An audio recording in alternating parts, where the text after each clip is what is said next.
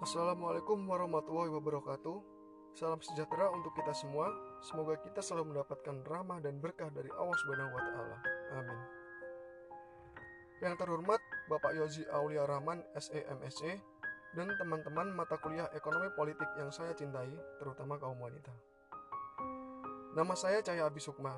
Di sini saya akan menjelaskan mengenai faktor-faktor yang mempengaruhi utang luar negeri. Sebelum ke penjelasan utama, pertama-tama saya akan menjelaskan apa itu utang luar negeri. Utang luar negeri atau pinjaman luar negeri adalah sebagian dari total utang suatu negara yang diperoleh dari para kreditor di luar negara tersebut. Penerima utang luar negeri dapat berupa pemerintah, perusahaan, atau perorangan. Bentuk utang dapat berupa uang yang diperoleh dari bank swasta, pemerintah negara lain, atau lembaga keuangan internasional seperti IMF dan Bank Dunia. Dalam jangka pendek, utang luar negeri sangat membantu pemerintah Indonesia dalam upaya menutup defisit anggaran pendapatan dan belanja negara akibat pembiayaan pengeluaran rutin dan pengeluaran pembangunan yang cukup besar. Namun, dalam jangka panjang, utang luar negeri pemerintah dapat menyebabkan berbagai persoalan ekonomi di Indonesia. Salah satunya yaitu menyebabkan nilai tukar rupiah yang jatuh atau terdepresiasinya nilai rupiah. Utang luar negeri merupakan unsur yang tidak bisa dipisahkan dari proses pembiayaan pembangunan bagi negara Indonesia atau negara berkembang lainnya. Utang luar negeri di Indonesia telah berperan penting dalam menutupi defisit anggaran dan defisit transaksi berjalan. Tidak bisa dipungkiri lagi bahwa kondisi pembangunan ekonomi Indonesia selama ini ditopang dengan adanya pinjaman luar negeri yang jumlahnya terus meningkat. Berbagai bentuk program dan proyek yang dilakukan oleh pemerintah Indonesia untuk meningkatkan kesejahteraan masyarakat, yaitu menggunakan sumber pinjaman dari luar negeri. Adanya pemasukan pinjaman dari luar negeri atau utang luar negeri ini menjadikan pemerintah mendapatkan tambahan anggaran belanja dalam melaksanakan kegiatan-kegiatan program pembangunan ekonomi di Indonesia. Khususnya program-program pembangunan berupa pendidikan, kesehatan, dan ekonomi. Pembangunan ekonomi merupakan prasyarat mutlak bagi negara-negara dunia ketiga, termasuk Indonesia. Hal itu untuk memperkecil jarak ketertinggalannya di bidang ekonomi dan kesejahteraan masyarakat bagi dari negara-negara maju lainnya. Menurut statistik utang luar negeri Indonesia, versi Bank Indonesia dan Kementerian Keuangan Republik Indonesia, posisi utang luar negeri Indonesia pada tahun 2019 yaitu sebesar 393,33 juta US dollar. Jumlah itu terdiri dari utang pemerintah, bank sentral, utang lembaga keuangan, dan non-lembaga keuangan. Jumlah utang luar negeri Indonesia selalu mengalami peningkatan untuk setiap tahunnya dari tahun 2014 ke 2019.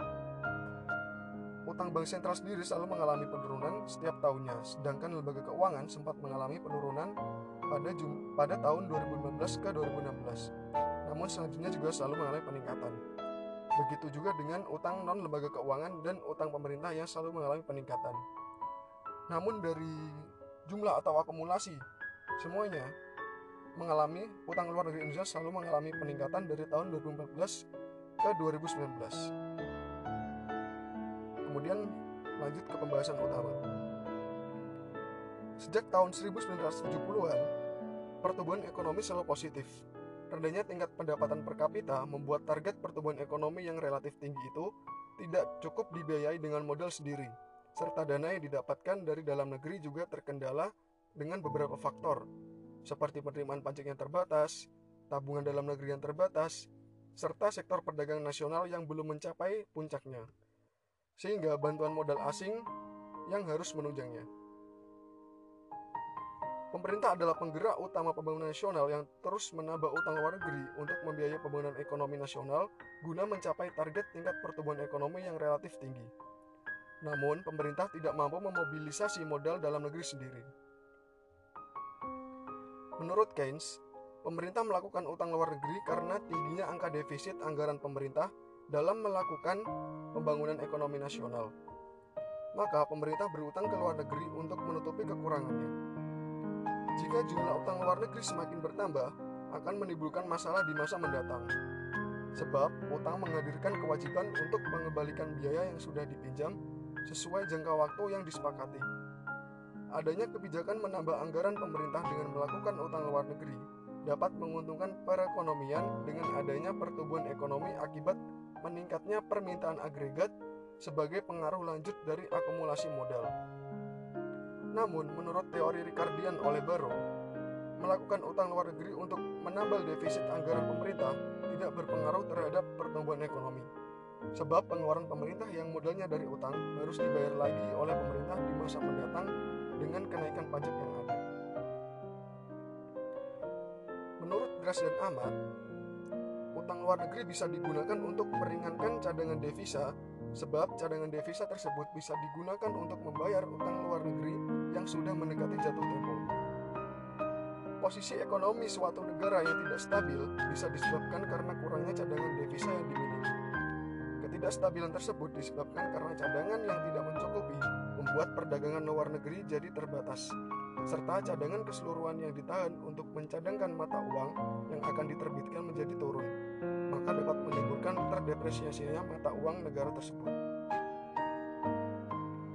Di negara Indonesia sendiri dalam mengembangkan infrastruktur yang dibutuhkan untuk efisiensi pembangunan perekonomian negara membutuhkan peran aktif dari pemerintah. Pembangunan infrastruktur, ini marak terjadi di era pemerintahan Joko Widodo. Namun di samping itu pengeluaran publik dalam beberapa periode di negara Indonesia mengalami kenaikan.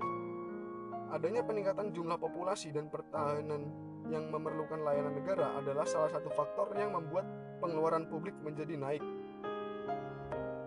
Sementara itu, negara harus mengeluarkan biaya yang lebih tinggi apabila ingin memperbaiki kualitas layanan yang diberikan. Hal ini sering terjadi di negara-negara dunia ketiga termasuk Indonesia. Indonesia merupakan salah satu negara berkembang yang kekurangan akan sumber daya modal untuk memenuhi pengeluaran publik akibat tingginya populasi manusia. Hal itu mengharuskan negara Indonesia untuk meningkatkan penerimaannya di mana salah satu sumber penerimaan yang bisa didapatkan adalah berasal dari utang luar negeri. Menurut Kementerian menurut Kementerian Keuangan RI 16 Agustus tahun 2019, kebutuhan alokasi anggaran untuk sektor infrastruktur sendiri selalu mengalami peningkatan dari tahun 2015 sampai dengan 2019 atau pada masa era pemerintahan Joko Widodo. Alokasi anggaran sektor infrastruktur di era pemerintahan Presiden Joko Widodo lebih besar jika dibandingkan dengan masa pemerintahan Presiden Susilo Bambang Yudhoyono. Dana alokasi sektor infrastruktur pada akhir masa pemerintahan SBY, yaitu 2014, sebesar 9,48% dari APBN. Sedangkan di tahun 2015 pada masa pemerintahan Joko Widodo meningkat menjadi 14,64% dan terus meningkat menjadi 18,46% pada akhir tahun 2018.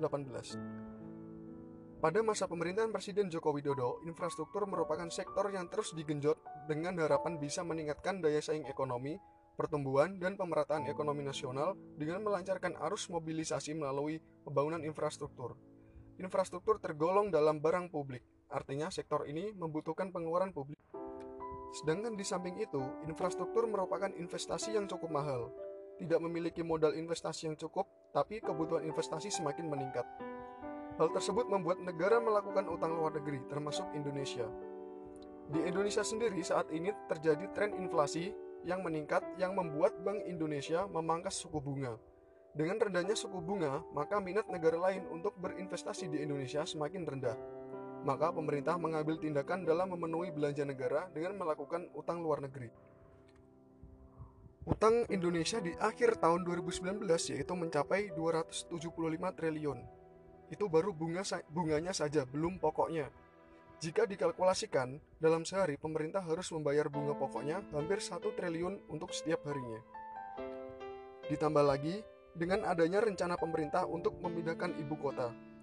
Menurut Bappenas, pemindahan ibu kota baru memerlukan dana sebesar 466 triliun dan hanya 93,5 triliun yang menggunakan dana dari APBN atau hanya 19,2 persen dari total dana yang dibutuhkan. 26,2 persen atau 122,92 triliun berasal dari pihak swasta dan 54,6 persen atau 254,436 triliun berasal dari KPBU atau kerjasama pemerintah dan badan usaha atau BUMN. Menurut saya, hal ini belum perlu dilakukan ini bukan program yang mendesak. Dana 466 triliun dapat, dapat bermanfaat untuk membayar utang luar negeri Indonesia, paling tidak lebih meringankan utang luar negeri Indonesia. Bapak Jokowi sendiri pernah mengatakan alasan pemindahan ibu kota ini adalah karena DKI Jakarta sudah parah dalam hal macet, banjir, dan polusi atau semua keruwetan yang ada di Jakarta. Padahal beliau saat kampanye menjadi gubernur atau presiden adalah beliau menjanjikan mengatasi masalah tersebut. Maka kalau itu dijadikan alasan, maka seolah-olah beliau mengonfirmasi kegagalannya dalam menjadi gubernur atau presiden. Kemudian jika dilihat dari sisi politik, isu ekonomi seperti utang luar negeri sering dibahas oleh banyak pihak menjelang pemilihan presiden. Isu politik ini digunakan sebagai bahan politik untuk saling menyerang kubu lawan. Banyaknya utang luar negeri Indonesia yang dimiliki menimbulkan persepsi negatif di tengah masyarakat. Permasalahan utang luar, utang luar negeri saat ini seolah-olah digiring menuju ranah politik yang menyebabkan isu tersebut menjadi sentimental. Munculnya isu-isu itu di tengah masyarakat dapat menimbulkan rasa ketidakpercayaan dari masyarakat terhadap pemerintah yang ada. Kesimpulannya, menurut Alexander Hamilton, mengelola keuangan negara tidak berbeda dengan mengelola keuangan perusahaan di mana saat kegiatan perekonomian meningkat, maka utangnya juga bisa meningkat. Yang terpenting adalah uang tersebut bisa dialokasikan secara benar dan bisa dibayar kembali sesuai jangka waktu yang ditetapkan. Meskipun utang luar negeri Indonesia masih dalam kategori aman, bukan berarti pemerintah tidak bertindak untuk menekannya. Saat ini pemerintah membuat kebijakan tax amnesty, di mana pemerintah, terutama Kementerian Keuangan, selalu mencari potensi penerimaan pajak yang belum terungkap Hal tersebut dilakukan untuk memperbesar penerimaan pajak supaya pembiayaan defisit fiskal bisa diganti dari utang menjadi penerimaan pajak. Dan saat ini, cara yang sering digunakan dalam menilai baik buruknya utang luar negeri adalah dengan membandingkannya terhadap produk domestik bruto atau PDB.